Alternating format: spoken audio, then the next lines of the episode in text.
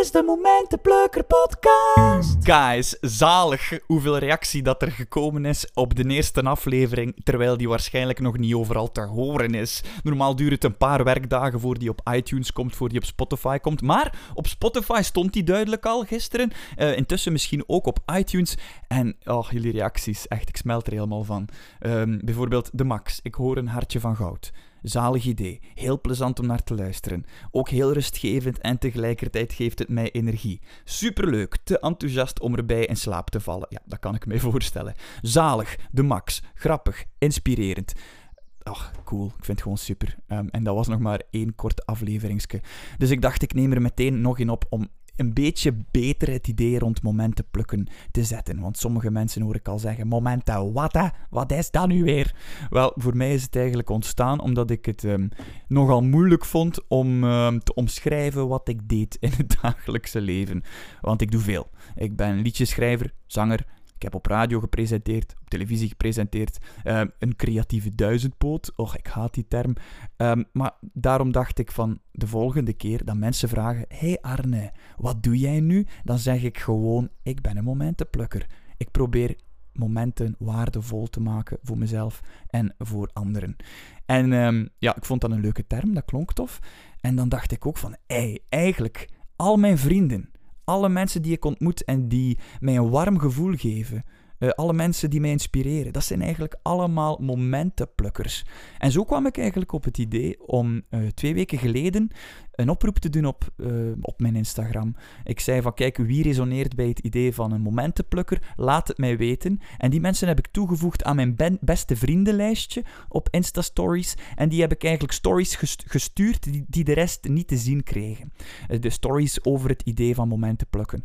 En dat is eigenlijk beginnen, ja, beginnen groeien. En dat werd al vlug een soort van community. Um, een soort clubje van mensen die elkaar ja, inspireren die, die elkaar aansteken om nog meer momenten te plukken, om nog, nog meer te halen uit elk moment. En vandaar dus nu het idee om een podcast erover te doen. En mijn doel is ook om andere momentenplukkers te, te interviewen. Dus ken je mensen die jij zelf een momentenplukker vindt? Mensen die, die uh, van elk moment iets maken door wat ze doen, door wie ze zijn, door, door de impact die ze maken op de wereld? Laat het mij weten. Ik nodig ze met plezier uit om ze hier aan de tand te komen voelen uh, in mijn studiootje.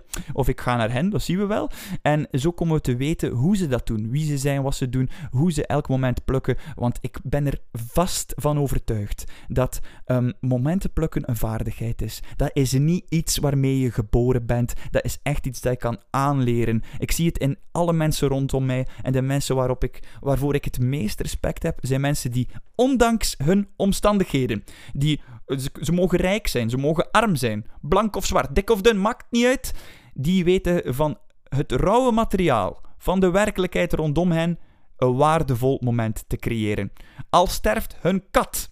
Hè, die gaan daar niet gewoon, ik ben happy zitten, uiteraard niet. Minus is dood, maar toch gaan ze proberen zin te geven aan dat moment. Dat neemt niet weg dat je dan ongelooflijk verdrietig bent en in rouw bent, maar ze hebben ja, de skillset om daar toch mee om te gaan. Ze zijn niet het slachtoffer van hun omstandigheden. En vandaar dat ik het ook belangrijk vind om daar een beetje een een community rond te bouwen, want soms wordt het werkelijk te veel. Soms gaan dingen echt verkeerd en dan kan het echt super hard helpen om naar een podcast als deze te luisteren. Ik, ik ben ook iemand die heel hard fan is van heel veel podcasts en, en wat ik daaruit, daaruit haal is altijd dat, dat gevoel zo van, na het luisteren van een podcast heb ik weer het gevoel van, kijk, uh, ik kan de wereld aan. Dus dat is een beetje mijn doel met deze Momentenplukker podcast.